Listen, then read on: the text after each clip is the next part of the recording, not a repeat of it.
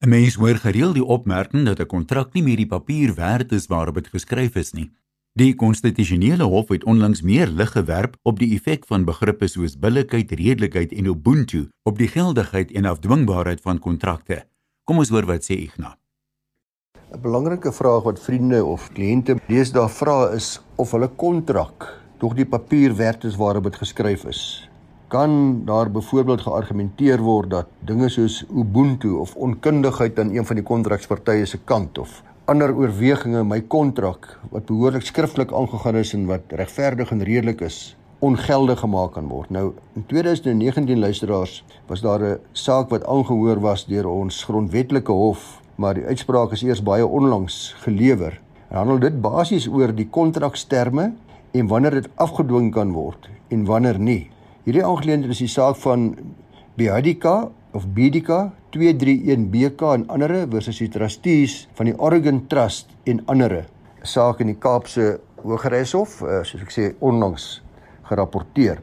Hier was daar konsessiehouers, franchisees. Hulle was 4 BKs wat 'n konsessieooreenkoms aangegaan het met die konsessiegewer waarin onder andere bepaal was dat indien die huurkontrak van die perseel waarop die konsessie uitgeoefen word hernu word, dan sal hulle die opsie hê om 6 maande voor die verval daarvan aan te dui dat hulle die ooreenkoms wil hernie en wil aanhou om die eiendom te huur. So hulle dis 'n opsie om die eiendom te hernie, maar hulle moet dit skriftelik uitoefen binne 6 maande voordat hierdie huurkontrak verval. Nou hierdie 4 BKs, die konsessiehouers uh, wat die opsie moes uitoefen, het uh, dit nie gedoen nie. Hulle het versuim om hierdie kennisgewing vir die hernuwing te gee in terme van die skriftelike kontrak en die bewoording daarvan en uh, hulle was almal voorheen werknemers van die konsessiegewer en hulle deur middel van 'n swart bemagtigingsinisiatiewe hierdie ooreenkomste aangegaan en is duidelik dat hulle nie self besigheidsmande was nie en hulle beweer dan ook dis die rede vir hulle versuim om hierdie opsie uit te oefen. Hulle is nie bedrewe sakemanne nie, hulle is onkundig. In die hof van eerste instansie, die Hoë Hof, het Biadika aansoek gedoen vir die herinstelling van die ooreenkoms aangesien die konsessiegewer is nou Sales Hire die kontrak beëindig het weens die gebrek aan die uitoefening van die opsie. Nou Sales Hire het uh, geopeneer en 'n teenis ingestel vir die uitsetting van al die konsessiehouers. Die hoof besluit in hierdie geval ten gunste van die konsessiehouers en stipuleer baie spesifiek dat die streng nakoming van hierdie kontraksterme in hierdie omstandighede nie noodsaaklik was nie aangesien die konsessiehouers se nadeel of die sanksie wat hulle het disproporsioneel is tot die nie nakoming van die hernuwingsterme, aan oor die uitoefening van die opsie. Die skade wat hulle nou lê omdat hulle versuim het om binne 6 maande voor die tyd hulle opsie uitoefen, sê die hof, is heeltemal te erg in verhouding met die foutjie wat hulle gemaak het. Nou die saak gaan na die appelhof toe en die konsessiegewer appeleer daarin en hulle bevind dat daar geen openbare beleid in Suid-Afrika is wat in ag geneem kan word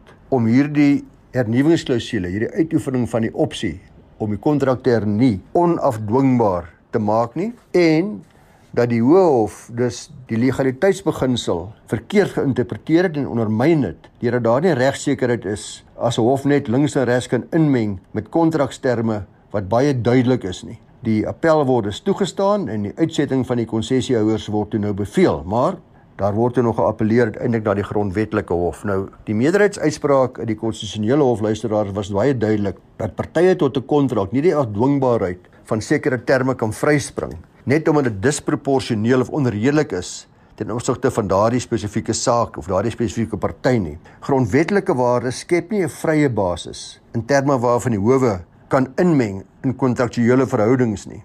Hierdie grondwetlike waardes sal wel belangrike oorwegings wees in die opweeg van 'n bepaling van 'n kontrak en die afdwingbaarheid daarvan en of dit teen die publieke of openbare beleid is maar slegs en dis belangrik wat hierdie grondwetlike hof vir ons sê slegs wanneer die afdwingbaarheid van so 'n bepaling so onregverdig en so erg onredelik is as om teen die publieke of openbare beleid te wees slegs dan kan 'n hof inmeng en besluit om sekere kontraksbepalings onafdwingbaar te maak Die grondwetlike hof verwys na 2005 saak ook in die Kaap Barkhuisen, ekskuus 2007 saak, uh, Barkhuisen versus Napier en dit is die leidende gesag oor die opweging van gelykheid in kontrakte as deel van openbare beleidsoorwegings, naamlik dat goedere trou nie enkelstaande is nie en dat 'n onderliggende waarde uh wat uitvoering aangegee is deur bestaande wetgewing nie goeds moes net gekanselleer kan word nie. Daar word gekyk na die opweging van die beleidsoorwegings en of dit werklik teen openbare beleid is. So die grondwetlike hof beslis dat howe nie kan inmeng in kontraktuele verhoudings waar hulle subjektief besluit die term is onredelik of onregverdig of onregmatig streng nie.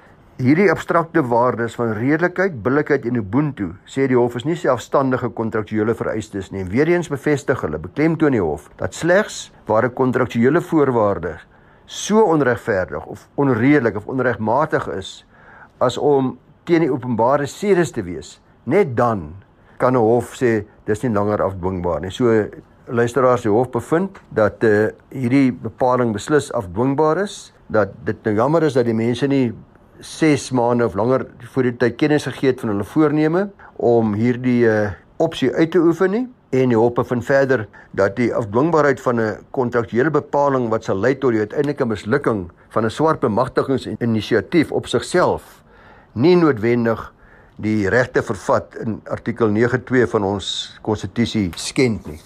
Uh die appel deur die konsessiehouers misluk dus uh, omdat hulle versuim het om 'n behoorlike goeie rede te gee vir hulle versuim om die kontrak se bepalinge na te kom en die opsie uit te oefen, bloot om te sê ons is nie goeie sakemanne nie, ons is onkundig ensovoorts en swart bemagtiging is vir baie belangrik, uh, is nie goed genoeg nie. So die gevolgtrekking is baie duidelik, kontrakteervryheid en dis vir ons almal baie goeie nuus wat ons grondwetlike hof nou weer bevestig het, is steeds van die uiterste belang. Natuurlik ook vir die ekonomie en weer eens ons howe sal net inmeng as 'n kontrak se voorwaardes so onredelik onregverdig of onregmatig is om ons openbare belang en ons billike sedes te affekteer en te ondermyn nie. Een ek het in die begin van hierdie program gesê dat ons howe is ook maar deur diep waters in 2020 en dit het natuurlik baie mense die vraag laat vra is mediasie nie eintlik maar die antwoord in plaas van duur en uitgerekte litigasie nie. Nou artikel 24 van ons grondwet waarborg elkeen van ons 'n reg om 'n geskil deur 'n hof of 'n forum of 'n tribunaal te laat bereg of te laat aanhoor. En hierdie reg word egter in 'n mate bietjie afgewater of uh, verander 'n bietjie in frustrasie as gevolg van die lang en die duur aard van litigasie wat veroorsaak dat baie van ons middel-lae inkomste burgers nie die vermoë het om eintlik 'n geskil deur 'n siviele hof te laat aanhoor nie. Nou die howe ervaar regtig baie logistieke en administratiewe probleme. Daar's personeeltekorte, daar's nie altyd behoorlike infrastruktuur of hulpbronne nie. Daar word regtig derduisende sake per jaar in hang gemaak, baie waarvan geen meriete het nie. Die hoeveelheid sake gekoppel met die logistieke of administratiewe probleme lei daartoe dat daar nie tydige aandag gegee kan word aan hierdie sake nie en dan veroorsaak dit dat frustrasies by litigante oorkook. Hoe langer litigasie duur, hoe hoër is die regskoste? Ek het al 'n paar maal vir u gewys dat gewone lasteraksie wat ek verlede week met u bespreek het 7 jaar gevat het voordat dit uiteindelik deur die finale hof bereg is.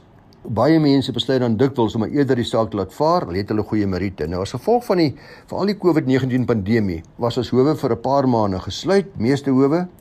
Uh dit het natuurlik groot vertragings veroorsaak En nadat die nasionale inperking onder vlak 5 opgehef was, het die howe steeds nie sake fisies in die hof aangehoor nie en baie sake is uitgestel en sommige is virtueel verhoor, maar belangrik is partye was aangemoedig om eerder mediasie te oorweeg aangesien dit baie makliker was tydens die inperkingsproses en dis belangrik vir mense om te weet dat howe nie die enigste noodwendig die altyd die geskikste of die beste manier is om geskillerdes in partye op te los nie. Dit se word sake na jare se litigasie en duisende, honderde duisende rande in regskoste geskik kort voor of op die dag van die verhoor. Daar is in elke saak natuurlik die moontlikheid dat daar gekyk moet word deur alle partye om liewers voor 'n verhoor en dis liewer vroeër as later te skik En dit is wanneer die partye dan saam met hulle prokureurs, hulle advokate of wie ook nogal dan liewers kyk na alternatiewe dispuutoplossingsmetodes. Ondersoek dit want dit kan vir u baie baie baie trane en koste spaar. Nou een van hierdie metodes is mediasie. Nou mediasie luisteraars is 'n vrywillige proses en albei partye moet toestem. Dit behels dat die partye 'n onafhanklike persoon aanstel as mediator wat dan die partye lei deur hierdie proses om tot 'n skikking te kom. En uh, dit behels in feite maar dat die partye om 'n tafel gaan sit die geskilpunt uitpraat in plaas daarvan om in hierdie dier uitgerekte litigasie betrokke te raak. Uh litigasie het een wenner, een verloder. Uh, mediasie aan die ander kant poog om 'n wen-wen situasie te skep. Dis dikwels gee en neem, maar ek moet sê dikwels ook uh by litigasie waar ons sê daar's een wenner, is daar dikwels net een wenner. Dis baie dikwels net die prokureur of die advokaat, nie een van die ander partye wen nie as gevolg van die dramatiese koste risiko's. Nou mediasie kan ingestel word voor 'n hofsaak aanhangig gemaak word. Dis beveel ek dan ook aan, maar kan ook gedurende 'n hofsaak plaasvind. Indien mediasie dan nie die totale dispuut oplos nie, kan dit ten minste help dat die partye sekere aspekte wat ook lank in die howe gaan vat om op te los, buite geskil plaas. Dan is die litigasieproses natuurlik korter. Nou beide die landdrosofreëls en dit moet ek vir u sê weet baie mense nie. Die landdrosofreëls en die hooggeregsofreëls maak uitdruklik voorsiening daarvoor dat sake na mediasie verwys kan word. Die Hooggeregshof is onlangs ook gewysig om bepaal nou dat partye, let wel, verplig is om 'n kennisgewing saam met 'n dagvaarding op 'n verweder te beteken waarbinne die party aandui of hy of sy dan toestem tot mediasie of nie, asook die redes daarvoor. Indien 'n party dan onredelik sonder goeie rede amper sê asprus mediasie weier wanneer dit beter vir die saak sou wees, kan die hof dan later teen so 'n party bestraffende koste bevel gee. En ek assosieer my 100% daarmee om eerstens 'n saak te probeer skik deur middel van mediasie voordat daar 'n litigasie proses aangepak word. Prokureurs word ook aangemoedig dan om mediasie voor te stel vir hul kliënte, veral as die kliënte nie oor die finansiële vermoë beskik om hierdie litigasie end uit te voer nie. Let wel, baie belangrik, mense niks om te verloor nie. As mediasie misluk, as dit nie werk nie, dan gaan jy voort met litigasie. Baie dankie aan Ignas Kleinsmid vir die beantwoording van soveel regsvrae gedurende 2020.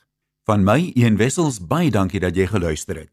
Ek wens jou 'n wonderlike 2021 toe. Mag hy sommer strate beter wees as die afgelope jaar. Kyk mooi na jouself tot ons weer gesels.